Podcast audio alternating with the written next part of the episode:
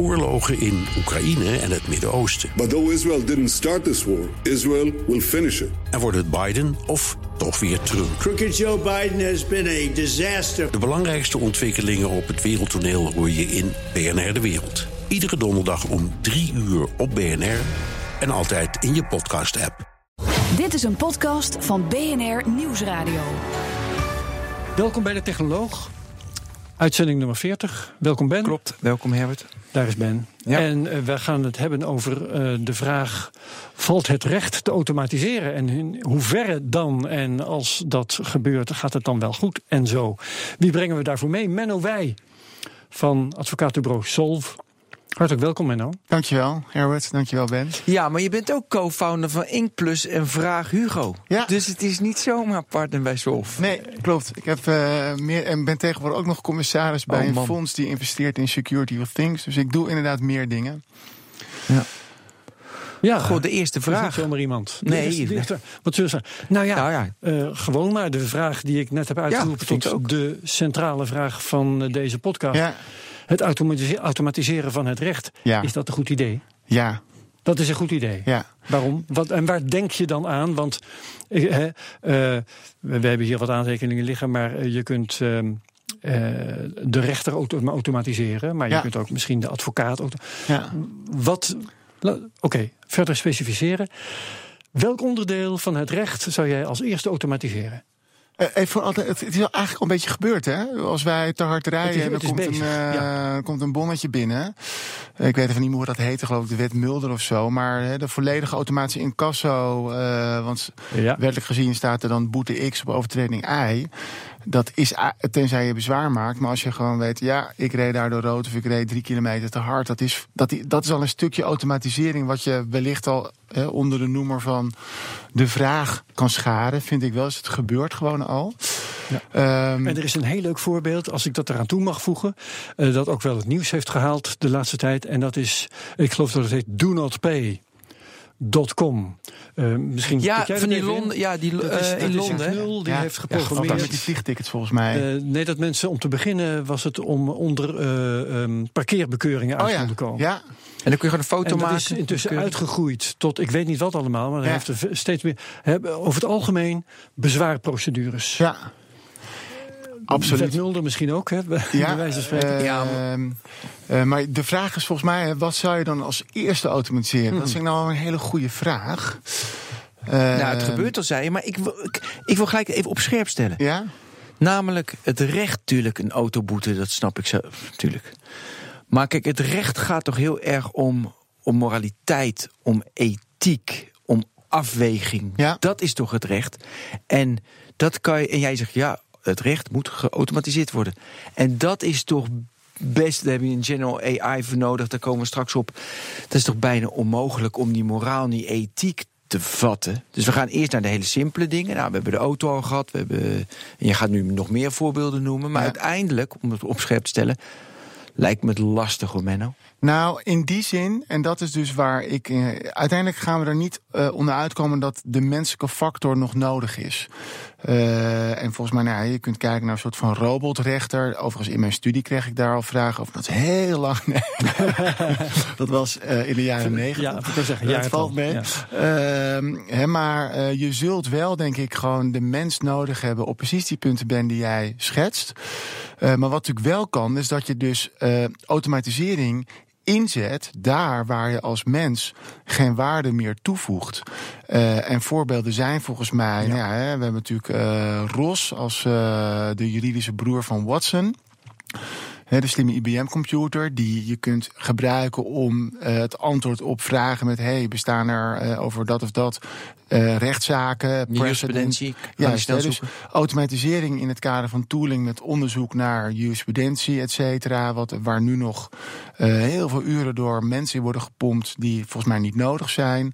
Eh, nou, vraag Hugo, je noemde het al even. Daar ben ik dan natuurlijk co-founder nog even voor de goede orde. Dus heb ik belang mee. Maar dat is natuurlijk iets van document automation. Hè, dus het automatiseren van ja, stukken contracten die je dan zelf op maat kunt maken. Eh, dus je kunt eh, eh, automatisering inzetten bij het recht. Maar absoluut zijn er aspecten. Ik denk bijvoorbeeld dat een rechter, dat je die niet uh, in een robot moet gaan veranderen. En wat voor robot met gevoelens en et cetera dan ook. Uh, en dat daar dus wel die menselijke afweging blijft. Net zo goed als voor mij als advocaat. Dat uh, hè, het, het stukje, nou ja, Menno, wat vind jij nou? Wat, hè, als je op, in een boardroom zit, wat moeten we nu doen met dit of dat probleem of die ja. uitdaging? Uh, en, en, dat ziet op toegevoegde waarde. Dus het korte antwoord op jouw verscherpte vraag is: er is altijd iets waar je als mens waarde toevoegt. Of een advocaat, rechter of officier van justitie of in welke breedte je het recht ook neemt.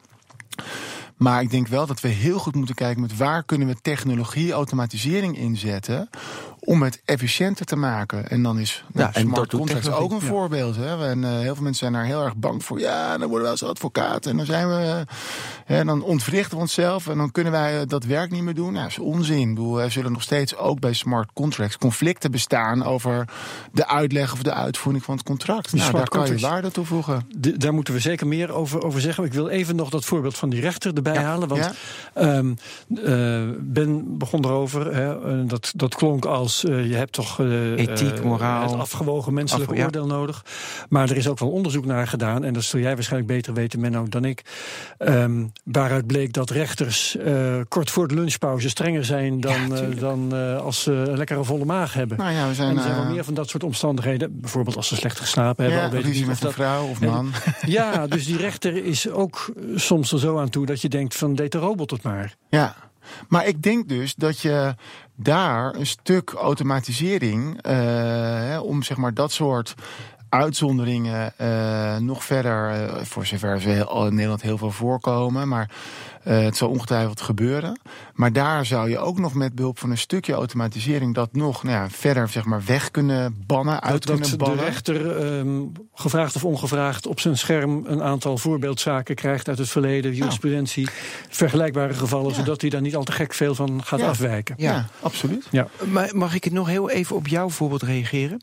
Dus je zegt hij heeft slecht geslapen en daardoor doet hij een andere uitspraak. En dan ga je door naar dat is misschien wel prettig voor de maatschappij. En ik, daar wil ik mee zeggen, ik moest ineens aan schaatsen denken. Kijk, omdat schaatsen zo steriel is geworden in een hal, want het is beter, want in een hal is het eerlijk.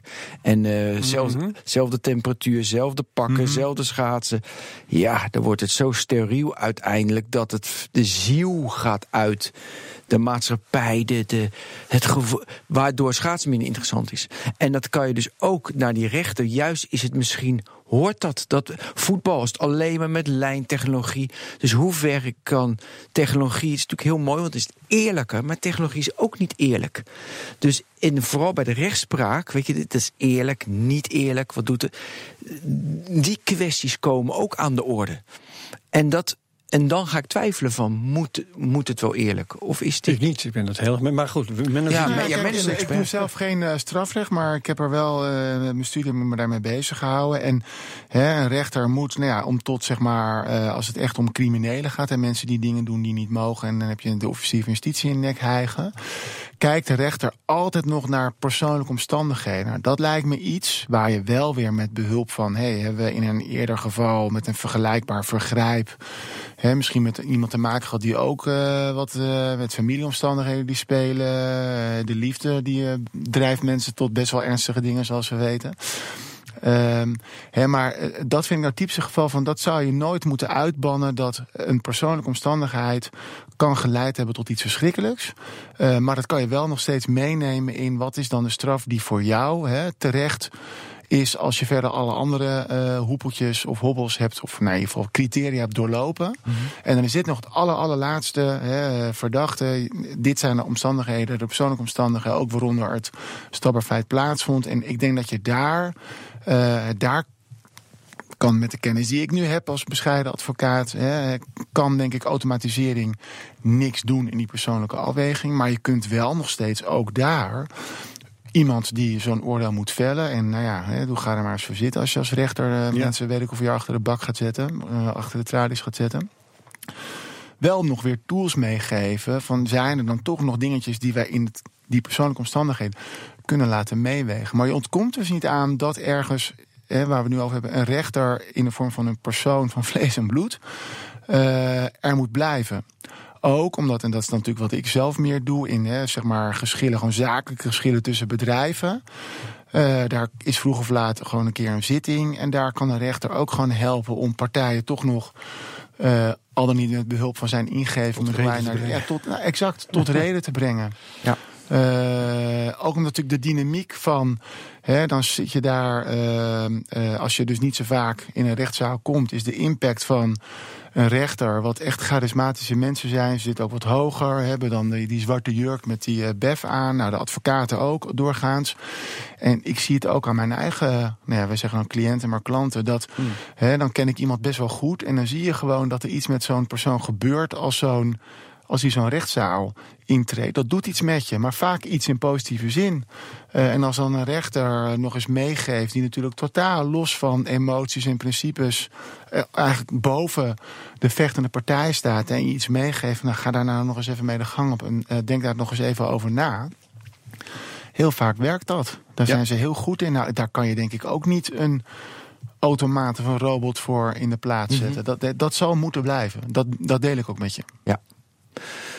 Dan ben ik right. gerustgesteld. Goh, want ik was Komt al het toch nog goed, Ben? Nou, Want uiteindelijk. je moet binnenkort naar de rechter? Of? Nee, nee, nee, nee. nee maar ik heb één. Wat, het is misschien wel aardig van. Dat was Doreen Pessers. Die was, denk tien jaar geleden bij Buitenhof. En die legde uit. Dat vond ik zo mooi. Dat zeg maar een cipier. Die moet heel simpel. Dus laag in de rangorde in Nederland. Ja. Die moet gewoon. Iemand mag de deur in. Of het mag de deur niet in. En dan ze zegt. En uiteindelijk moet je steeds meer de context meenemen in de beslissing. En toen gaf ze een voorbeeld. Een man die was 83. Die had geen kaartje gekocht in de trein. En uh, ja, geen kaartje gekocht, boete. Ja. Maar die man die kwam van een bijeenkomst voor uh, zeg maar, oorlogsslachtoffers. En die man was getraumatiseerd. Daardoor had hij geen daardoor had hij geen kaartje gekocht. En, en, en, dan denk je, ja, nee, dat snappen we. En dan mag je gewoon doorreizen. Ja. En ze zei, en daarom moet je die nuance maken. En ja. de minister moet helemaal de hele ja. context meenemen. Dat ik vond heb ik wel heel een leerzaam. voorbeeld in dat oh, kader. Uh, ik ben vader van een tweeling. En uh, die zijn in 2006 geboren. Waren uh, echt veel te vroeg geboren. Maar uiteindelijk mochten ze na acht weken mee naar huis nemen. En dat was een bloedhete zomer. En ons huis heeft veel glas, dus dat warmt ook lekker snel op. En toen werkte ik nog op de Zuidas. En mijn vrouw belde mij van je moet nu komen, want het gaat niet goed met de kinderen. En uh, ik wil naar de huisarts en uh, je bent nodig, gewoon overdag. Ik ben in de auto gesprongen en ik moest dus over de ring naar huis. En ik reed best wel een klein beetje te hard op de ring. ik ga geen getallen noemen. Uh, maar ik reed echt wel een beetje te hard op de ring. Gewoon omdat, ja, weet je wel, doe, ja, mijn vrouw beeld in paniek. En uh, ik zit uh, vlak voor de afslag en ik zag wel, hè, onbewust dat in me, er zit net een auto achter me. Dus dan op een dacht ik, ja, ik moet toch maar even iets langzamer rijden, want je zult me zien. En verdomd, ik word ingehaald, bordje, politie, volgen oh. en uh, mee. En uh, we stoppen ergens bij een benzinepomp en ik stap uit, natuurlijk helemaal hyper, paniek. En uh, ik begin meteen te tetteren, op, overigens op zijn menno's. Ja, dit en dat en mijn kinderen en uh, ik moet nu naar huis en anders gebeurt iets. En de dokter heeft een afspraak. En die, die agent zei helemaal niks, zei alleen maar rijbewijs. En ik pak mijn rijbewijs in mijn hoofd zat... Oeh, blik op de weg. Als je zoveel kilometer te hard rijdt, dan... Uh, ik denk, nou, ik ben mijn rijbewijs kwijt. Dus ik begon weer helemaal... Ja, nee, en ik sta hier voor de consequenties. En uh, geef me maar een boete, maar alsjeblieft laat me gaan. Gaf hij mijn rijbewijs terug. En toen heeft hij, had hij nog steeds niets gezegd.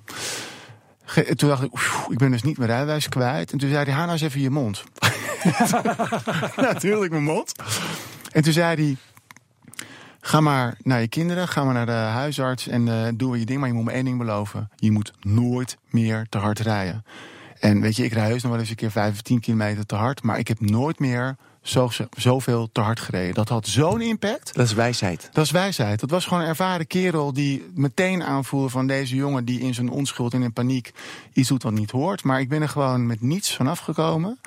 Um, en die voelde gewoon aan, ik moet hem nu even gewoon iets zeggen waardoor hij en ik heb het dus ook nooit meer gedaan. Dat, en dat had dus veel meer als die, die boete had ik gewoon of wat weet je, had ik gewoon betaald ja. en waarschijnlijk dat je het dan nog eens een keer doet. Ik denk er nu gewoon over na. En nou, dat vond ik wel echt heel. Dus mocht die agent dit verhaal nog weten en luisteren, dankjewel. Ja, maar ik reed een keer boven de 200 waar je 100 mocht. Ik, eh, ik werd, is echt waar dit, hè? Ik werd aangehouden. Dan zat je alleen maar, wow, wat een mooie auto, zeg, wat een mooie auto. En ik mocht doorrijden. Ja, wat slaat dat nou op? Slecht verhaal. Maar het is echt gebeurd. Dat Het is echt gebeurd. Dat is echt heel raar. Maar goed, gaan we door. Eh, nee, we- oké. dus we waren erbij. Wel, wat we kan wel. Dus in hoeverre kan je het wel automatiseren? Da- daarin waren we, hè? Want Ja. we gingen helemaal off topic. dat is slecht. Eh, wat wel. Waar heb je echt maar heb je echt iets aan wat je nu al gebruikt in technologie dat je denkt van ja, heerlijk, dat augment mij? Eh, nou, op een paar vlakken. Hè, dus er zijn mooie initiatieven waarin je dus met behulp van automatisering zonder juristen contracten kunt maken. Eh, dat is een voorbeeld. Er zijn tools die ehm, je met allerlei, dat zijn allemaal van die verschillende Engelse termen, maar met, met onderzoeken en surveys eh, helpen. Eh, ik sprak net met jongens van, van Indica en die kunnen zeg maar ehm, eh, ongestructureerde data kunnen zij indexeren en daar correlaties aanbrengen. Eh, dus als er ergens in een organisatie met compliance zeg maar, iets gebeurt, er is iets gekocht wat niet helemaal eh, zuiver op de graad is, dan kunnen zij puur aan de hand van data, zonder dat je ook maar met personen te maken hebt, kunnen zij zoeken naar waar zit dan het probleem met gewoon slimme eh, algoritmes en zoekopdrachten.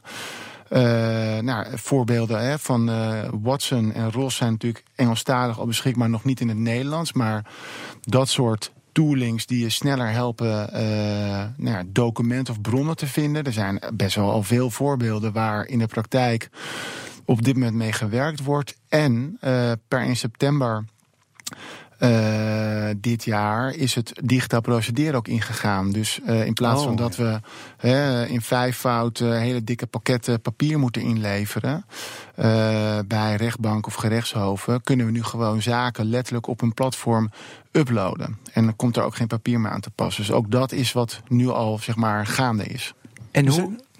Oh, nou ja, ik wil zeggen, dat- er zijn een aantal die we eigenlijk allemaal nog even wat meer moeten bespreken. Ja. Maar wat, wat ik jou eigenlijk wilde vragen is, je hebt het al genoemd, maar eh, ik wil eigenlijk gewoon, eh, misschien dat je, dat je het eh, uit de weg gaat omdat het jouw bedrijf is, maar leg even uit wat Vraag Hugo precies doet. Want eh, Ik ben nog van de generatie die dacht dat je op internet of radio geen eh, reclame. want Nee, maar dit is dan een ga ik niet podcast, de dus- dus dan eh, mag Ja, eens. podcast mag alles. En Ja. want, want er staat hier eh, op mijn scherm staat document automation. Ja. Maar dat klinkt, klinkt ook als eigenlijk naar niks. Dus eh, leg even uit wat je, wat je doet met Vraag Hugo. Vraag Hugo eh, is in één zin een platform waar ondernemers zelf een aantal van hun huistuin- en keukencontracten op maat kunnen maken. Zonder tussenkomst van een jurist of een advocaat. Eh, tegen denk ik een tariefstelling die. eh, 79 euro voor één do voor- Ja, klopt. voor één document. Ja, ik heb Ja. gisteren heb ik het getest voor het arbeidscontract. Ik Nou. heb gewoon alles ingevuld. Tik, tik, tik, tik, tik. Eigenlijk een, een aangepaste versie van dat Do Not Pay waar we het net over hadden. Nou ja, daar, ik, denk, ik denk dat in de kern daar wel eh, overeenkomsten zijn. Eh, wij zijn er, want het is niet een Solf dingetje, is misschien even goed om te melden. Dus Ja. eh, uiteraard hè, heeft Solf eh, nou ja, zijn kennis geleverd voor de templates waar jij dan met een arbeidsovereenkomst gewerkt bent. Maar het is een ehm, eh, joint venture van vier mensen. Een angel die er 100.000 euro heeft ingestopt toen wij dit hadden bedacht. Samen met Pim Bettice, dat is de founder van Celleband. Ehm en die heeft nu een hele crowdfunding achtergrond. En die liep er ook tegenaan. Van ja, weet je, ik zit drie kwartier met een intake. Altijd dezelfde vraag. Een beetje de circusbeer die altijd maar dezelfde act doet. Ehm, en Sens, Sens Leren, die eh, hebben het eh, voor een stuk ook mede mogelijk gemaakt, maar interfacing. Eh, en waar wij vanuit Solf tegenaan liepen was, dus dat is de aanleiding van Hugo, eh, onze toegevoegde waarde werd niet altijd meer vanuit de perceptie van de klant gezien. Nou, dan moeten natuurlijk alle alarmbellen gaan rinkelen, want je kunt honderd keer zelf vinden dat het wel zo is, maar als de klant jouw toegevoegde waarde niet ziet, moet je iets omgooien. En dat zat hem dus in ja, start-ups, daar doen we ook veel voor bij Solf.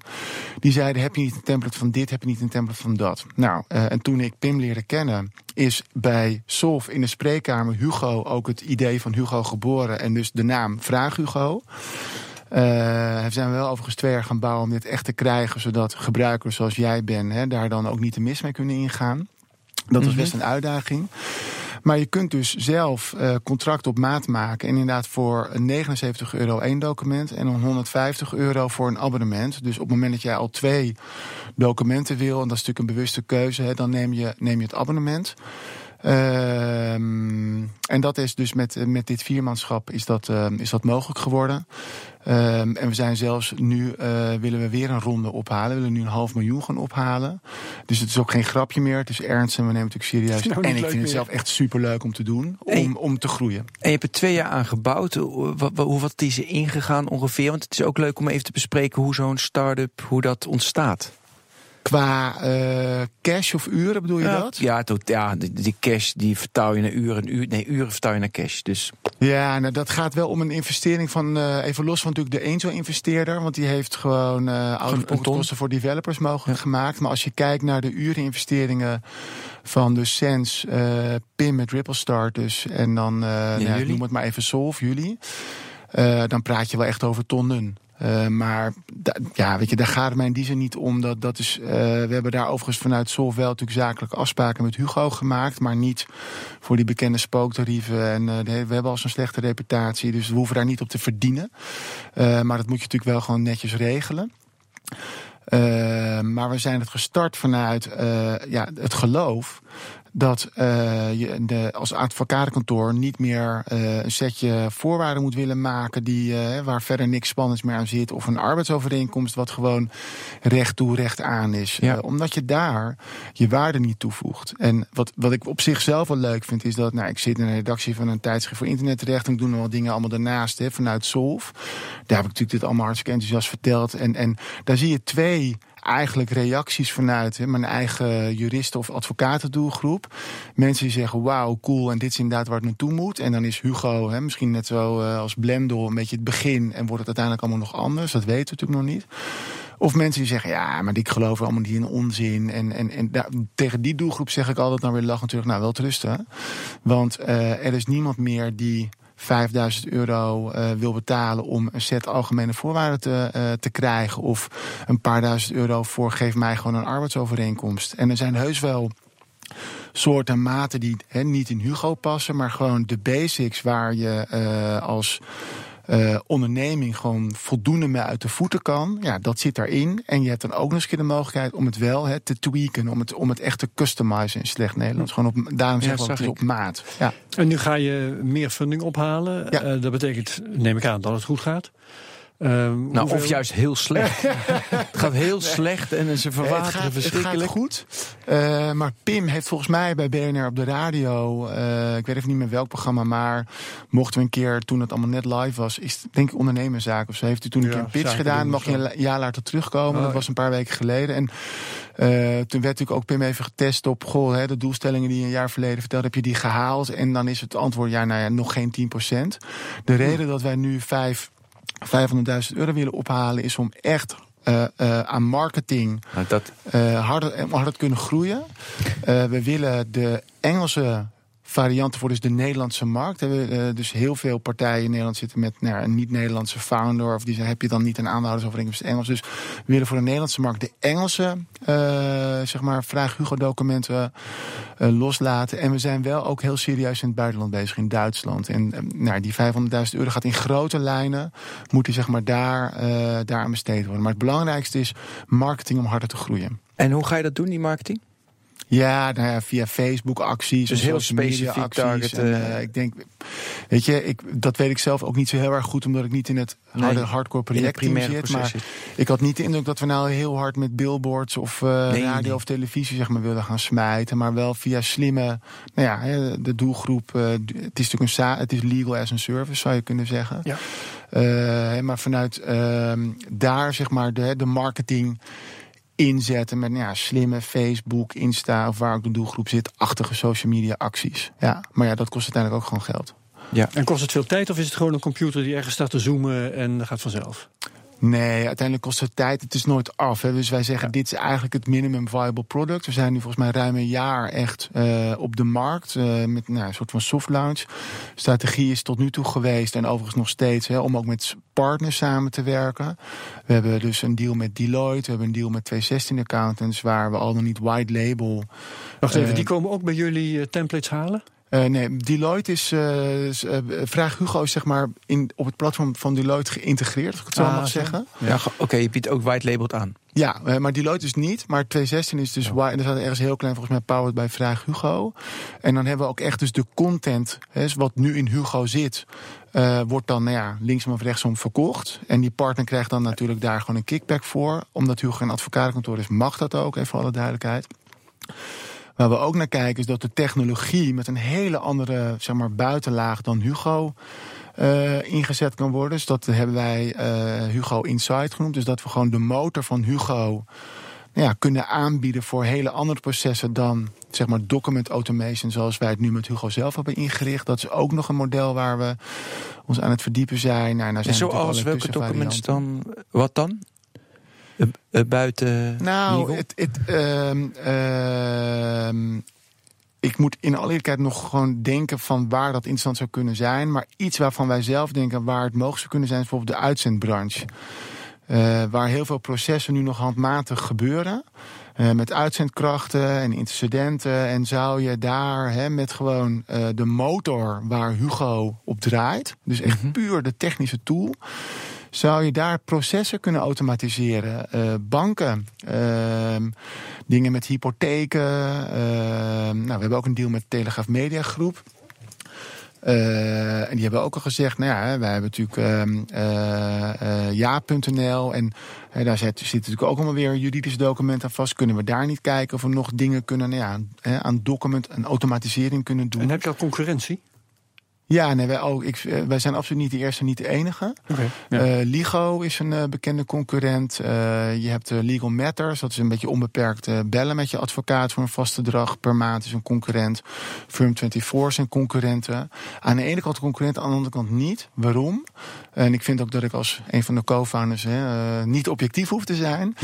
is, ehm, ik denk dat een aantal van deze het vanuit lead generation nog steeds is gestart. Hè. Dus dan is het vehikel toch een manier om eh, nog voor het juridische consultantsbureau of hè, om gewoon nog uren binnen te halen. En wij hebben echt gezegd: nee, dit, wij, wij willen dus hè, die algemene voorwaarden of die aanhoudsover, die willen we gewoon niet meer maken als dat in Hugo gewoon te halen is. Dus jezelf ontwrichten. Ehm, en het tweede verschil is, bij de meeste moet je hè, upfront betalen en dan eh, maar hopen dat er iets van een template in zit. En het vertrekpunt van Hugo is dat je gratis advies krijgt, gewoon via een paar hele simpele vragen.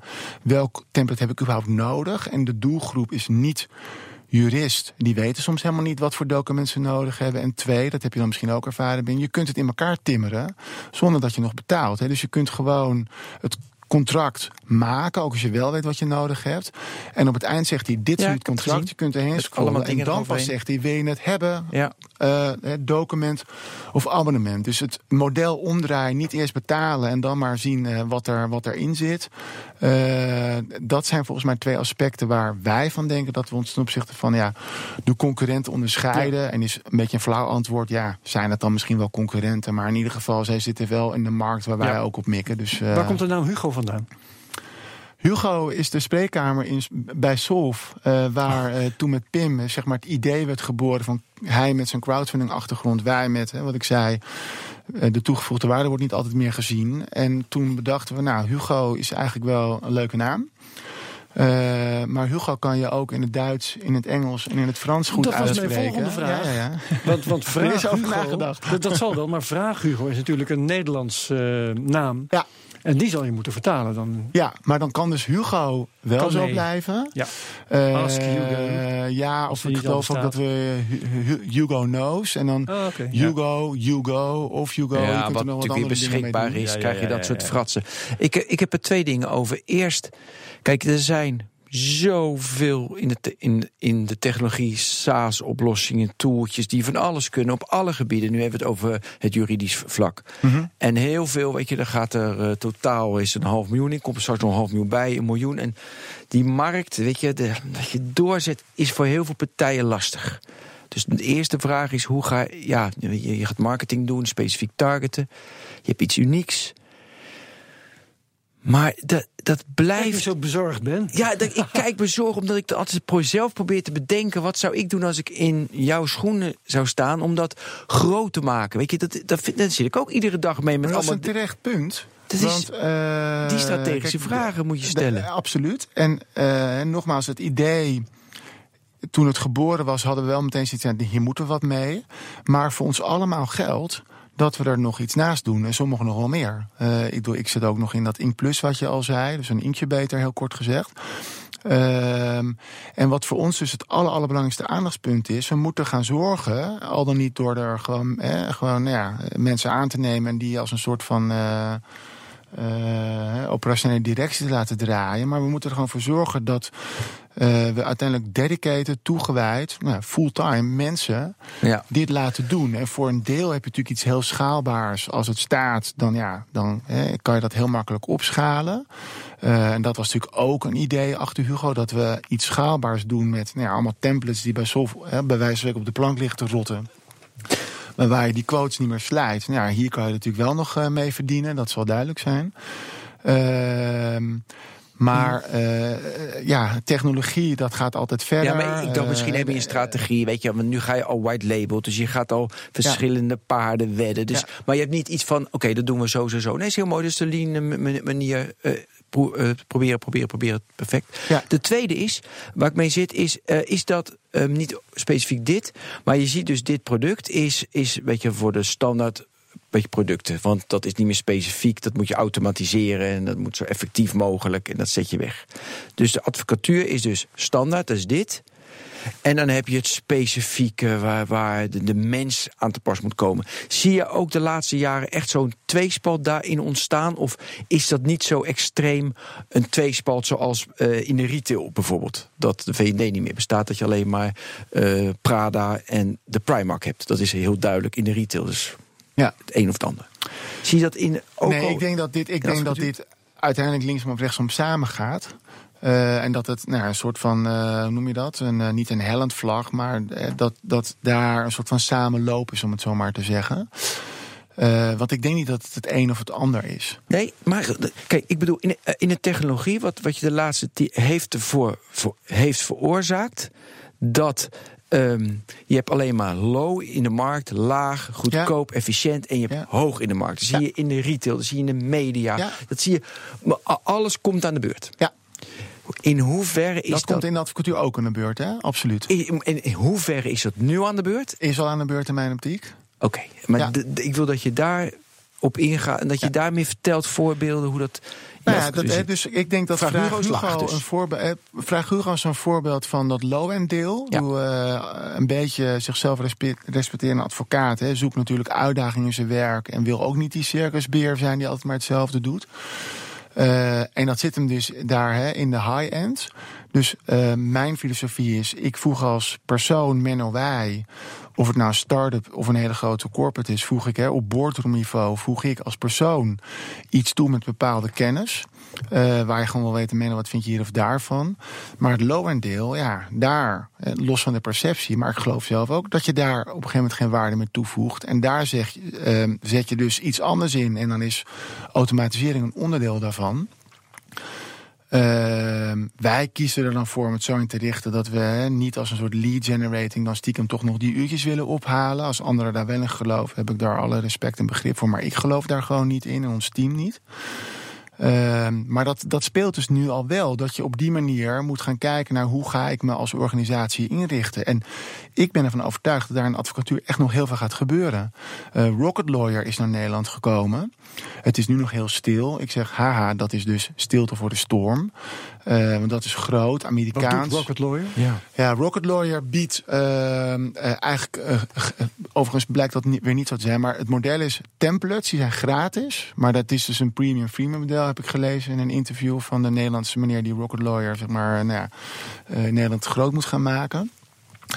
Eh, en ze hebben een pool aan, zeg maar, gewoon gespecialiseerde juristen of advocaten, maar eh, tegen veel aantrekkelijker, zeg maar, modellen dan hè, nu tarieven die wel tot in de honderden euro's. eh, ik hoorde nog gisteren dat, ik zal echt geen namen noemen, maar dat eh kreeg maar collega's van ons bij Solf eh, tarieven van 800 euro per uur een partner hanteren. Nou, denk ik gefeliciteerd. En als je het kan verkopen, heb ik daar ook wel weer bewondering voor. Maar ik vind het echt niet van Maar deze je wordt dan dus eerst binnengehaald met de gratis templates. En, Nou, Dat is wel weet, een ik niet, ik weet niet hoe deze mensen opereren. Maar ja, weet je, bedoel, waarom moet je 800 euro voor iemand per uur betalen? Eh, weet je, uiteindelijk kan je toegevoegde waarde kan naar priceless zijn. Eh, maar gewoon een standaard tarief van 800 euro per uur, dat daar hè, gesproken wordt over toegang tot het recht en eh, het wordt niet betaalbaar, dat, dan snap ik het wel. Maar goed, dat is dus ook weer even eh, offline. Ik Ja. zeil af. Ehm, hè, maar dat rocket lawyer, zeg maar, ehm, eh, de, de juridische eh, dienstverlener, of je nou een advocatenkantoor bent of een juridisch consultancybureau, die eh, advocaat heeft gewoon het monopolie om te procederen. Voor de rest kan je ook gewoon jurist zijn om te doen wat een advocaat doet. Eh, daar nog de markt in beweging gaat brengen vanuit inderdaad hè, dat kwadrant, high-end, low-end en al die dwarsbanden die je kan leggen. Ja, dan, moet je, dan moet je nu echt al op voorbereid zijn. Ja, maar Dan men is je- interessant. Herbert. Ik heb die site nu voor me en het is le- letterlijk bijna opgezet. Zoals je gewoon bijvoorbeeld een, eh, een player site opzet. Dus je hebt eh, free, eh, free is create legal documents of niet. Maar dat is de ene kant. Heb je, Ja. weet je, zilver, goud en, Ja, ja. Weet je, en platinum. En, dat, zo hebben, en dan call me bij de meest dure. Het is bijna zoals een, een technologie bedrijf is opgezet hebben. Inderdaad, dat is wel interessant. Ja. Dus dat model wordt dus helemaal nagedaan, ja. Ja. Zullen we eens een ander aspect van Ja, natuurlijk. recht automatiseren? Want jij noemt al een paar keer eh, Ross, familie van Watson. Ja, Ehm, wat kan ik vinden in Ross? Eh, volgens mij, eh, uiteindelijk zit natuurlijk gewoon iets in ROS. Maar zoals ik het altijd heb begrepen, is dat ROS met name eh, heel snel ook door gewoon data en documenten kan op zoek naar, afhankelijk van hoe je het, het inzet, dus een stukje artificial intelligence, zoals ik het zie. Ja. Hè, waar de mens gewoon langer voor nodig heeft, omdat hij langer moet zoeken door Ja. en En Maar- eh, computers dat gewoon sneller kunnen. Familie van Watson, en dat is dus de computer die we kennen van eh, Jeopardy. En Ja, eh, precies, hij dat, komt eh, in, in- op een gegeven moment ook met recepten en allerlei andere onderwerpen. Ehm, kun je als, als eh, juridisch bedrijf, neem ik aan dan, eh, kun je Ross als lege doos kopen en dan vullen met eh, wat je er zelf in wilt hebben? Of, Ja, volgens, Ah, zo, zo, ja, heb ja. ik het altijd Van wie is het? Dat vind ik ook altijd belangrijk. Eh, volgens mij IBM ook. Ik Oh, dacht dat als- Rosse ook een IBM dingetje was. Het, is waarschijnlijk gewoon dezelfde technologie. Ja. En Maar ik dan weet, voor juristerij. dat nou, je hebt eh, nou ja, zo'n meetup-achtige groep en dat heet eh, Legal Tech volgens mij. Ehm, waar overigens eh, Kennedy van der Laan, Jeroen Sfeers, ehm, eh, een hele goede, mooie rol speelt. Dus geen jurist, maar die kijkt wel heel erg naar innovatie. En eh, dan heb je dus de legal tech meetings. Daar kan je gewoon naartoe als je wil. Het is volgens mij ook voor juristen en advocaten. En ik, de keer dat ik er graag naartoe wilde was toen ze dus de demo van Ros hebben laten zien. Dus hij is in Nederland gedemoed, wat volgens mij vrij exclusief was. Uh, maar hij doet het dus alleen nog in het Engels. Ja, en wij hebben hier he, al onze rechtspraak, Ah, uh, bronnen. He, dus gewoon uh, nou ja, in dat tijdschrift waar ik in zit, he, daar wordt ook in gepubliceerd. Ja. En al dat soort content kan dus uh, nou ja, met uh, slimme, intelligente toolings doorzocht worden door iets à la ROS. Alleen dat is dus nog niet klaar voor Nederland. Maar in Amerika werkt dat dus wel. Ja, en ook dat je er in normale taal vragen aan kunt stellen. Ja, want, ja, ja, ja, dus wow. uh, daar zit natuurlijk, ja, hè, daar moet natuurlijk iets aan zitten dat uiteindelijk jij als gebruiker, als jurist of als advocaat, hè, dat het gebruiksvriendelijk is. Uh, maar ja, door volgens mij instructies en zoekopdrachten, door vragen te stellen, gaat Ros dus op zoek naar het antwoord. Nou, ja. Jij noemde al dat voorbeeld van dat spelletje, hè, waar de Watson-variant, ja. Uh, binnen 0,000 nog wat seconden. En uh, die twee andere mensen waren volgens mij al heel erg slim. En konden het wel ook super snel. Ja, maar... en er werden de vragen nog gesproken ja. ook. Ja, dat ook nog een ja, ja, een, ja, nou ja die technologie, technologie is natuurlijk ook al. Dat je gewoon, uh, daar is Siri denk ik ook weer een voorbeeld van. Dus dat je gewoon in spraak dat ook nog eens een keer opgediend krijgt. Ja. Ik zit even op Crunchbase te kijken. Het is niet van IBM, het is zelf opgericht. Okay. Er zit maar 120.000 dollar uh, seed money in. Daarna geen rondes meer. Dus ze hebben, snel hebben ze klanten, zodat ze geen funding meer nodig ja. hebben. Um, dus het is gewoon onafhankelijk. Ze hebben van 11 tot 50 employees. Vind ik knap. Dat maar jij... zou, zouden ze dan niet zelf de Watson-technologie in li licentie genomen hebben? Ja. Dat ik, ik heb dat altijd zo begrepen, maar kan misschien niet anders heb ik dat zelf nee. wel ingekleurd. Maar die site, en, uh... die, die, daar kom ik niet op. Die is dood of weet ik niet. Oh. Op rossintelligence.com. Heel gek. Ja? ja. Nee, ik, ik, Maar nogmaals, dan, uh, wat, niet alles wat op het internet staat is waar trouwens. Echt wel. Dus, Dankjewel, Oh, jee, dat is een voor nieuw onderwerp. reminder. maar ehm, eh, wellicht dat er wel, want volgens mij zit er wel, hè, zeg maar, de Watson-technologie zit in ROS. Had je dat zo snel kunnen zien, Ben? En dan is er misschien wel een licentie of iets dergelijks, of nou, whatever. Maar Dat ik, vermoed ik dan. Ja, natuurlijk, dat kan niet. Nou. Oké, ga maar goed. Eh, zullen we het hebben over smart contracts? Ja hoor. Want dat vind ik ook wel heel interessant. Ja. Ehm, want we weten dat ze, ze zijn gekoppeld, tenminste voor, voor een deel op zijn minst, aan eh, de cryptocoin Ether. We hebben hier eh, bij de technoloog hebben we het ook al eens over cryptocoins gehad. Ja. Ehm, in welke, op welke manier spelen. eh, en, en voor de luisteraar, smart contract, dat is dus een, een, een contract dat automatisch uitgevoerd wordt, als aan een of andere voorwaarde is voldaan. Of zul jij het anders beschrijven? Nee, het is wat je zegt. Ja. Eh, volgens mij wordt het is natuurlijk iets van hè, op blockchain. Dus Bitcoin is een eh, blockchain, zeg maar, resultaat of resultante. Dat is volgens mij een smart contract dus ook. Dus het is een eh, iets wat je op basis van blockchain kan doen. En volgens mij heeft een, ik ben even zijn naam kwijt, maar een slimme meneer heeft ergens in de jaren 80 of 90 al gezegd dat. Eh, blockchain of een smart contract kan je eigenlijk gewoon met een snoepmachine vergelijken. Op het moment dat ik gewoon een gulden of een euro in een snoepmachine eh, gooi, komt daar dus eh, een mars of wat dan ook uit. En door vooringestelde waarden en voorwaarden. En op het moment dat die dus, je zegt het heel mooi, als die worden Herbert, als die worden ingekleurd, dan gebeurt daar iets. En eh, ook hier, eh, een voorbeeld van smart contracting is al, en blockchain is al aan de orde. Ik dacht dat het DJ Hartwell was, die eh, op basis van ja, zeg maar blockchain of smart contracting eh, een tooling heeft gebouwd voor de automatische afdracht van royalties. Buma Stemmer was onlangs weer even wat minder in het nieuws, want het schijnt daar een beetje Ja. boekhoudkundig te rommelen. Wat ik overigens ook een hele ernstige zaak vind, eh, daar zitten we het vandaag niet voor. Maar hij heeft gezegd, ik heb geen zin om met die partijen te maken te hebben. Ik ga het gewoon zelf regelen. Dus hij heeft nou ja, via smart contracting of blockchain... heeft hij gewoon... eh, en ik zou even moeten kijken hoe die website ook weer heet... eh, heeft hij gewoon een website opgetuigd... waar dat dus als hij hè, hier en daar wat stukjes... eh, in zijn fantastische muziek, zeg maar, eh, nou ja, opneemt, dat dan automatisch de partijen die daar de rechthebbenden van zijn, daar gewoon eh, hun deel voor krijgen. En dat is natuurlijk fantastisch. dat gebeurt gewoon al as we speak. Precies, en dat, was eigenlijk dus meteen de antwoord, het antwoord, een deel van het antwoord op de vraag die ik wilde stellen. In hoeverre spe- spelen ze in de praktijk al een rol? Ja. Dit is dan een voorbeeld. Volgens mij ook met vastgoed, hè? dus met eh, nou ja, transacties. eh, is er betaald, overdracht van een huis, registergoederen. Dan hebben we allemaal weer databases waar er moet worden bijgehouden. Kadaster, weet ik wel allemaal. En daar zijn volgens mij ook wel echt al bestaande voorbeelden van die, nou ja, zeg maar, hè, de eerste zaadjes zijn van wat je met blockchain en smart contracts eh, allemaal kan. maar het is, eh, het is toch in hoofdzaak nog een belofte, of niet dan? Nou, eh, ja en nee. Want nee, hè, want eh Hartwell die doet het dus kennelijk al. Ja. Nee, zeker. En ja, omdat er volgens mij nog veel meer toepassingen zijn waar je dit zou kunnen gaan doen en kunnen gaan, kunnen gaan uitrollen. En ja, daar wordt dan de jurist of de advocaat Ja. voor een heel groot deel natuurlijk ook Wat, vervangen. mij- wat, wat mij wel heel interessant, een heel interessante vraag lijkt, dat is smart contract. Het is, het is een nieuw begrip, zelfs in de technologie. Ja. Ehm, als, eh, wie weet, als ik handig genoeg ben, kan ik eh, met jou een of ander smart contract overeenkomen. Maar ehm, de Nederlandse wet, kent die dat eigenlijk wel? Is dat dan een legale overeenkomst?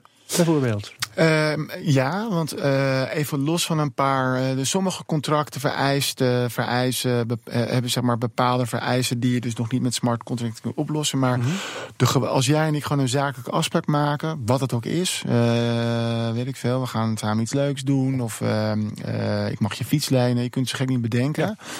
Voor de meeste contracten vereist de wet helemaal niet dat dat zeg maar op papier of schriftelijk moet. Hè. Een, een mondelinge afspraak is ook gewoon bindend. Alleen zit je vaak met de bewijslast. Juist. Van mocht ik nou je e-bike eh, lenen of was het die oude Opel-fiets die je me had toegezegd? Ja, en wanneer moest hij terug? En zo. Ja. Precies. Eh, en eh, je krijgt hem met een lekke band terug. Maar ik zei, nee, die band was al. Hè? Dat soort grappen en grollen. ja. Ehm, maar heel veel contracten hoeven dus niet op papier of schriftelijk. Eh, maar op het moment dat je, en, en dan is overigens nu elektronisch wordt vergelijkbaar gesteld met schriftelijk. Hè? Dus eh, nou ja, gewoon via het internet bij bol.com iets kopen is natuurlijk gewoon een contract. En dat gebeurt digitaal, er wordt geen handtekening meer gezet. Dat mag ook allemaal. Eh, dus daar is gelukkig een bepaling in de wet die zegt, nou dat stellen we dan gelijk. Hè. Dan is elektronisch hetzelfde als schriftelijk, als de wet schriftelijk noemt. Ehm, maar je kunt natuurlijk met smart contracting daar inderdaad van tevoren gewoon parameters invoeren. Die volgens mij gewoon neerkomen op als dan. Ja. Eh, en dan wordt het uitgevoerd. Maar weet je hoe dat technisch werkt? Dus ieder stukje muziek, daar heeft, dat tagt hij of zo. Dat, er zit een tag aan, aan die stukje digitale muziek. Dat tagt hij. eh, Zoiets. Ik wil het even technisch proberen te snap, snappen hoe die dat doet. Ja, eh, nee, sorry, Oh, dat ik- weet ik niet. ja, ik zit een beetje op de zoek hier. Maar Ja. oké. Maar wat het jij zei, ooit- het gebeurt. Ja, het is. eh, ik heb op Tweakers staat een artikel. Heb je in de de show site notes. gevonden of niet? Nee, want het is, nee, dat is best wel lastig. Nee, maar in het algemeen is het gewoon, zo- of gewoon, maar eh, Heel gewoon. dat, dat de, als ik het goed begrijp, is de blockchain van Ether.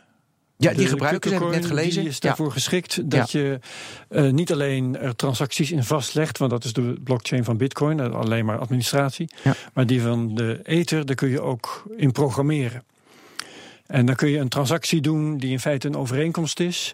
En waar dus in staat dat als eh, aan deze en die en die voorwaarden is voldaan, dan gebeurt er datgene wat je bent overeengekomen. Bijvoorbeeld een, vindt een betaling plaats, noem maar wat.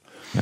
En eh, ja, dat is globaal wa- waar zo'n smart contract eh, op neerkomt. En een mooi voorbeeld is, heb ik me ooit laten vertellen, ehm, dingen die met crowdfunding te maken hebben. Dan stort je een bedrag bij een of ander bedrijf dat eh, aan het collecteren is.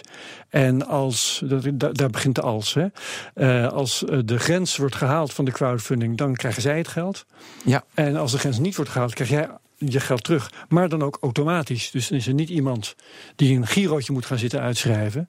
Maar dan, gaat, dan, dan komt dat vanzelf. Ja. Omdat aan de voorwaarden is Ja. voldaan, wordt het contract uitgevoerd. Ja, maar Menno, als jij nog een SaaS-service maakt in plaats van Vraag Hugo die smart contracts kan maken op een eenvoudige manier, kijk, dan, dan ik wel enthousiast. Hey, business idee. ja, weet je, snap, want dat is dus, eh, weet je, moeilijk. En Vraag Hugo is een beetje obvious.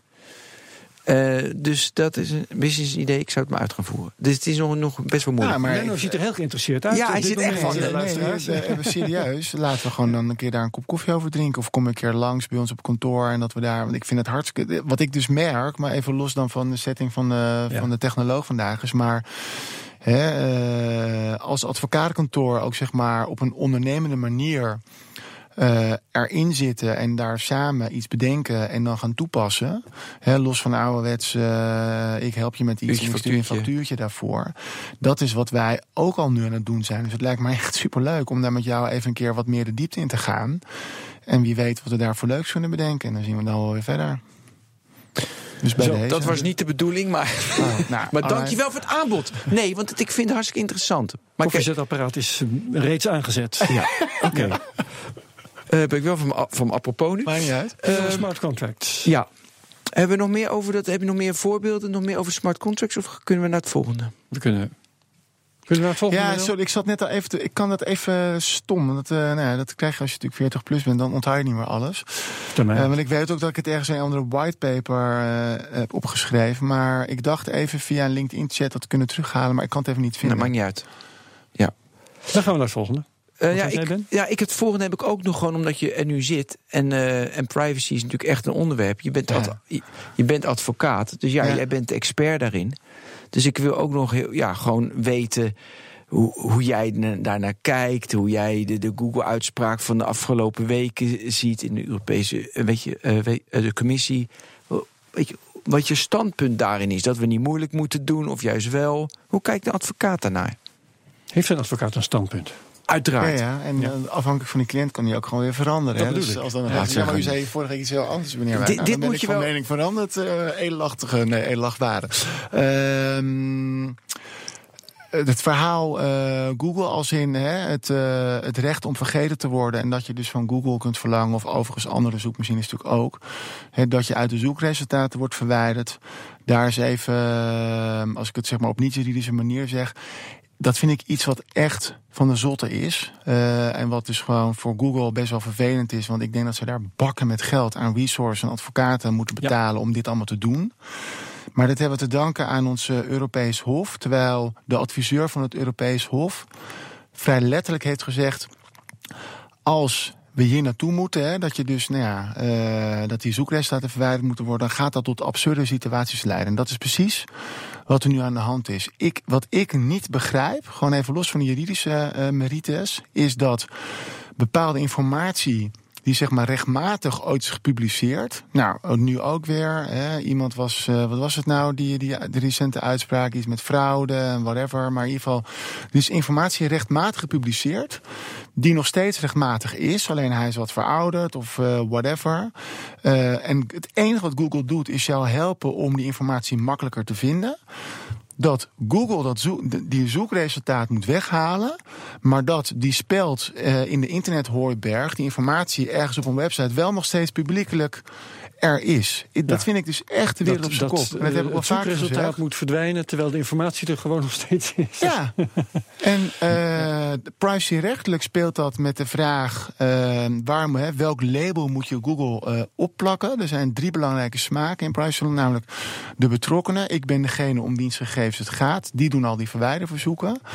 Dan heb je de verantwoordelijke, die bepaalt waarom gegevens worden verwerkt. In een heel simpel voorbeeld, Solve hè, bepaalt waarom zij nou ja, gegevens van klanten verwerken. En dan ben je dus verantwoordelijk. En de verwerker is degene die in opdracht van de verantwoordelijke iets met ja, gegevens zeg maar, te maken kunnen hebben. Ook weer in het simpele voorbeeld. Nou, onze uh, uh, ICT-dienstverlener, waar we overigens heel tevreden over zijn. Uh, we zitten in de cloud en die kan dus bij onze klantgegevens komen. Nou, dan is dat het klassieke van. Die mag dus niks met die data, maar die komt wel via ons ermee in aanraking. Dan ben je bewerker. Dus dat even qua het lesje privacyrecht in drie minuten. Uh, het probleem is dat ze hebben gezegd uh, van Google: jij bent verantwoordelijke. Jij bepaalt het doel en de middelen waarom jij nou ja, alles op het internet bewaart, opslaat en vindbaar maakt. Uh, en dus krijgt Google als verantwoordelijke uh, ook zeg maar de privacy gevolgen in zijn maag geduwd. omdat ik als betrokkene bepaalde rechten heb. En één daarvan is dus dat recht om vergeten te worden. Uh, maar wat er volgens mij uh, moet gebeuren, is ik denk wel dat Google hè, verantwoordelijk is voor de manier waarop zij ons leven makkelijker maken als wij op internet informatie zoeken. Dus dat ze dat stickertje van verantwoordelijk, ik denk dat dat wat lastig is om daar, uh, nou, om dat anders te labelen als bijvoorbeeld bewerker. Maar wat wel kan, is dat dus de wetgever gewoon uh, ingrijpt en zegt, of de autoriteit eigenlijk, dus de waakhond, ik creëer gewoon hiervoor een uitzondering, zodat we dat gewoon uh, anders gaan inrichten. Want, en ik ben op dit moment bezig met een collega van mij, Laura, dat we dus voor het tijdschrift voor internetrecht uh, schrijven dus een analyse van al die Nederlandse Google-uitspraken. nadat dus het Europese Hof in de hè, zogenaamde Google Spain-uitspraak deze lijn heeft neergelegd. En je ziet gewoon dat rechters, en soms staat het ook wel met zoveel in, in vonnissen, gewoon ermee worstelen. Of dat ze dus het criterium bij de ene keer als A uitleggen en de andere keer B. Het leidt dus ook tot niet consequente uh, rechtspraak. En daar, daar heb ik dus, zoals je merkt. maar, maar, maar kun je, kun ook als advocaat en jurist die iets van privacy meent te weten, heb ik daar echt een fundamenteel probleem mee. Deze ongelukkige Hier gaat iets helemaal mis. Uh, kun je daar Nederland, want dat meen ik even te horen, kun je daar Nederland van uitzonderen? Is, uh, kun je. Nederland beschermen tegen de werking daarvan? Het leek er alsof je dat bedoelde. Nou, wat, we hebben even weer twee stapjes. We hebben nu wetgeving, dus de, nu de wet bescherming persoonsgegevens, waar ook die huidige uitspraken op zijn, uh, op leunen. Die vloeien voort uit een soort van Europese aanwijzing die alle wetgevers in hun eigen wetgeving ja, hebben geïmplementeerd. Het probleem het is toch nog allemaal wel een beetje versnipperd in Europa. En dus kan nu de waakhond zelf direct uh, kan daar iets mee. En de wetgever kan natuurlijk ook wel iets mee.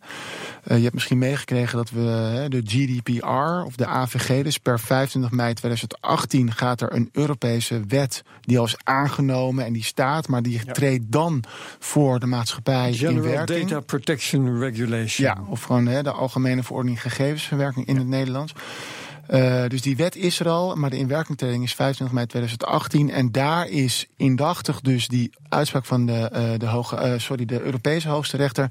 is dat recht nu ook zeg maar wettelijk verankerd. En dan wordt zeg maar de, worden de mogelijkheden voor de Nederlandse wetgever wat beperkter. Want die mag die wet niet veranderen, maar die mag alleen wat dingen inkleuren. Maar ik denk nog steeds dat ook de waarkonden, dus alle uh, Europese waarkonden zitten weer samen in wat we dan een artikel 29 werkgroep noemen, de artikel 29 Working Party. In die kijken naar allerlei ontwikkelingen en hebben daar dan een soort visie over, wat natuurlijk ook wel een stukje beleid en dus wet is. Daar zijn uiteindelijk wel middelen om daar iets mee te kunnen. Uh, alleen het gebeurt niet. Maar goed, dat is het mooie Ja. van ons vak. Dat er zullen heel veel mensen zijn die het fundamenteel met mij weer oneens zijn. Maar eh, ik vind, eh, even los nogmaals ook van het juridische, dat dit leidt tot gewoon de- serieus tot zotte situaties. En ik, ja, bedoel, eh, En het was geen Google uitspraak? heeft zijn handen vol daaraan. Het was geen uitspraak waartegen beroep mogelijk was of iets dergelijks. Eh, die uitspraak van de. Europese rechter, hè, die leggen zeg maar, net als de Nederlandse Hoograad, die leggen zeg maar de wet uit. Dus die geven antwoorden aan verwijzende rechters die hebben vragen over hoe moeten we dit nou hè, vanuit Europese wetgeving zien. En die zeggen, nou, dat moet je zo en zo zien. Dus die hebben gewoon een norm gecreëerd eh, die met zoveel woorden zegt. De regel is dat de privacy van iemand over wie informatie op het internet staat, die omstandigheden misschien hè, vandaag de dag wat minder relevant is. Voor, dat snap ik nog voor een deel natuurlijk wel. Dat iets wat ik tien jaar geleden zou hebben gedaan, is vandaag nog wat minder relevant. Eh, maar eh, de norm die in dus die Europese arts wordt gelezen, is dat die privacy in beginsel altijd zwaarder weegt dan het belang van Google. Dat is een commercieel belang, van economisch belang, hè, om zeg maar eh, die gegevens dan vandaag de dag nog te indexeren. En dat is, ik heb dus moeite met het criterium, maar dat is wat het is, want dat heeft de hoogste Europese rechter gezegd. Maar alle uitspraken in Nederland zijn met name rechtbanken. Nou, dan zijn er, dacht ik, twee uitspraken van het gerechtshof. Ehm, en dan kan je ook in Nederland wel weer naar de Hoge Raad. Maar ja, de, de, de aanwijzing van de Europese rechter is bindend. En als dus die AVG in werking is getreden, is het gewoon ook een artikel in die Europese wet. Ja, dan is het gewoon wet. En dan kan ik hoog en laag springen, maar ja, wet is wet. Dit is, Zo is het. dit is voor mij allemaal heel technisch. Oké, was En- dat niet je vraag? Sorry. Nou ja, ik vind het mooi. Ik, ik heb ademloos geluisterd naar dit technische verhaal. Maar is de, de Europese burger, zie jij, vind jij dat die privacy voldoende wordt beschermd? Dus A, nee, dat moet, ze moeten, moeten meer de privacy beschermen. Dus de autoriteiten, de Europa, Euro, of van eh, het is prima zo, of ze moeten beter worden beschermd. En wat is de trend daarin? Daar zoek, daar zoek ik ook naar. Ik, eh, ik vind dat Europa met privacy doorslaat en dat het veel te veel beschermd is. Nou, zo'n uitspraak vind ik dus prettig. En Nou, dan waarom? Nou, waarom? Nou ja, dit hele verhaal omdat jij meer voor Google bent. Nee, nee hoor. Dat, eh, en even alle, ik heb geen, zeg maar, za- dat zou heel Je hebt erg zijn, aandelen, hè. geef Ik heb geen belang als advocaat of als eh ondernemende menno. Eh, Nee, maar dat, is wel, dat, dat raakt mij wel. Want dat is natuurlijk wel. eh, dan, dan had ik het ook als advocaat moeten zeggen: let op, het is een cliënt van mij, ik zit hier gewoon hun belang te verdedigen. Maar dat is niet. Ik wil best voor ze werken, dat is denk ik ook geen geheim. Dus dat is niet zo. Eh, maar dat is gewoon hoe ik er als persoon en als advocaat naar kijk. Eh, maar wat ik, het, probleem wat ik vind is dat eh, de privacy, cookies en wat we allemaal als bedrijven willen niet met, hè, met data mogen, zo ver wordt doorgedreven dat het gewoon, het is bijna, compliance is echt iets wat belangrijk is. En dat heb ik persoonlijk ook hoog in het vaandel staan, wij als kantoor ook. En we leveren ervan, zeg ik in alle eerlijkheid. Maar als je kijkt naar hoe conservatief de wetgeving en ook soms de uitleg van hè, de waakhond is. Eh, dan denk ik, het, is misschien, het lijkt soms ook een beetje een soort van reactie-wetgeving op eh, in Amerika, NRC en wat er allemaal gebeurd is. En dat, en dat, Technologiebedrijven moeten het niet te hoog in de bol krijgen. en dan, eh, dat moeten we goed, goed voorkomen. En ook de paniek toen. hè, dus onze, wat is het nou? Onze DigiD gaat ooit een keer vervangen worden. Het wordt iets met EID. En dat er dan ook, volgens mij één of twee jaar geleden, in de Kamer moet er zo'n minister weer opeens komen. Want, ja, want dat wordt natuurlijk aanbesteed. Eh, en willen, kunnen we uitsluiten dat Amerikaanse techgiganten hè, zo'n soort cloud-achtig ding eh, gaan bouwen? Want ja, want zij eh, kunnen dan data en dat gaat dan naar de overheden in Amerika. En dat je echt denkt, ja, doe even normaal. Weet je, Ik begrijp gevoelsmatig die vraag wel, maar bedoel, juridisch slaat het werkelijk helemaal nergens op. Kost ook, we moeten landsadvocaten aan het werk, kost ook weer bakken met geld. En mijn, zeg maar, wat meer, nou ja, ik zou bijna zeggen, politieke statement is, is dat die nieuwe eh, AVG, die creëert een administratieve last van, zeg ik, u daar, eh, wat ongetwijfeld vanuit hè, grondbeginsel als privacy voor een deel te rechtvaardig is. Maar waar we in Europa niet genoeg over hebben nagedacht is, dat kost heel veel geld. En die bedrijven moeten dat dus betalen. En aan de voorkant gaan wij als consument dat bonnetje gewoon betalen. Heb ik laatst ook op Twitter gezegd. De, de consument in heel Europa betaalt de rekening van zeg maar privacy. Uh, de privacy tralies die uh, in Europa worden geslagen en, uh, of worden neergezet. En ik vind het heel goed dat wij een soort van safe harbor proberen te creëren waar we privacy hoog in het vaandel hebben. Maar ik mis echt af en toe gewoon hè, de, de, de, de, wat er gewoon nu gebeurt met. Uh, met efficiency ook erin. Met efficiency, met profiling. Uh, allemaal fantastisch mooie uh, technologieën. En dan, ja, dan is weer de vraag: mag het wel weer, mag het vanuit de privacy? En heel veel mensen weten het ook gewoon niet. Dus en dan heb je ook nog eens een keer: ik heb de klok horen luiden, maar ik weet niet waar de klepel hangt. Ik denk wel dat je van privacy een selling point kan maken. Dat heb ik laatst ook voor het uh, ICDM-fonds weer zo'n call for papers betoogd. Hè, van uh, leven, privacy en compliance. want het is natuurlijk wel belangrijk dat jouw en mijn data gewoon veilig zijn, in goede handen zijn. En dat niet iedereen daarmee maar wat mee kan. Maar er zit wel uh, heel veel nuanceverschil in dingen die in Amerika de normaalste zaken van de wereld zijn. weet je nog met die ING, dat ze op de voorpagina van het FD ja, stonden met een briljant plan. Het echt een briljant plan. De data gaan we, we gebruiken. gewoon uh, wat gaan wat doen met koopt. data van onze klanten. Ja, je koopt, gaan we en dat er kennelijk was Nederland er toen nog niet klaar voor. Dat was in Amerika gewoon, is dat heel normaal. Dat je op die manier iets met uh, data doet en dat je daar probeert wat aan te verdienen. En mijn analyse was, dat heb ik toen ook in de krant gezegd. Die ING had het juridisch allemaal wel prima voor elkaar. Uh, maar ze vergaten dat die ING-klant daar gewoon een stukje uit de uh, verdien je geld met mijn data. Laat mij daar dan ook een stukje ja, van meegenieten. Want het gaat waar we mee begonnen om ethiek, om moraliteit. Dat aspect moet je meenemen. En, en dat was dus te weinig meegenomen. Ja, ja, volgens mij was er iemand die iets te vroeg piekte en dacht ik ga even wat ja. credits pakken. En dat pakte verkeerd uit. Maar oké, okay, ja. dat is een persoonlijke overweging. Maar uh, ja, Nederland zit op zijn kop. Dat kan toch niet? En daarvoor had je nog Equence, die ook een best een goed idee had. Hè, om uh, volgens mij een van de grootste pinverwerkers uh, of pinbetalingverwerkers. Die wilde ook op geaggregeerd niveau ja, aan re- en e-tailers, jou en mijn pingedrag gaan verkopen. Wat ik ook een hartstikke goed idee vind. En die dachten dat het. Uh, Herbert, hoe lang hebben we nog? Want ik weet hier. Ongeveer min één minuut. Oh, wat jammer. Want hier, zou jij na, hier kan jij namelijk heel goed op ingaan. Of dat, uh, dat je ja. het een goed idee nee, vindt. Maar, ja, precies. Maar dat. Uh, nee, dat laten we voor, voor. Nee, maar we hebben het wel vaak over gehad. Ja. Over of dat wel of niet een goed idee is. Dus we moeten stoppen. Ja. ja. Jezus, we hadden het over. Ja, Menno. ja, we hadden het over automatisering van het recht. En daarna hadden we het uitgebreid nog over privacy. En wat er allemaal niet deugt aan de regels die ons daarvoor gesteld zijn. We hebben je graag nog een keertje terug. Uh, Menno Wij van de Solf Advocaten en van Vraag Hugo. Hartelijk bedankt. Ben van den Burg ook hartelijk bedankt. ook bedankt. En Mijn naam is. Herbert Blankenstein. En tot de volgende technoloog. Dag.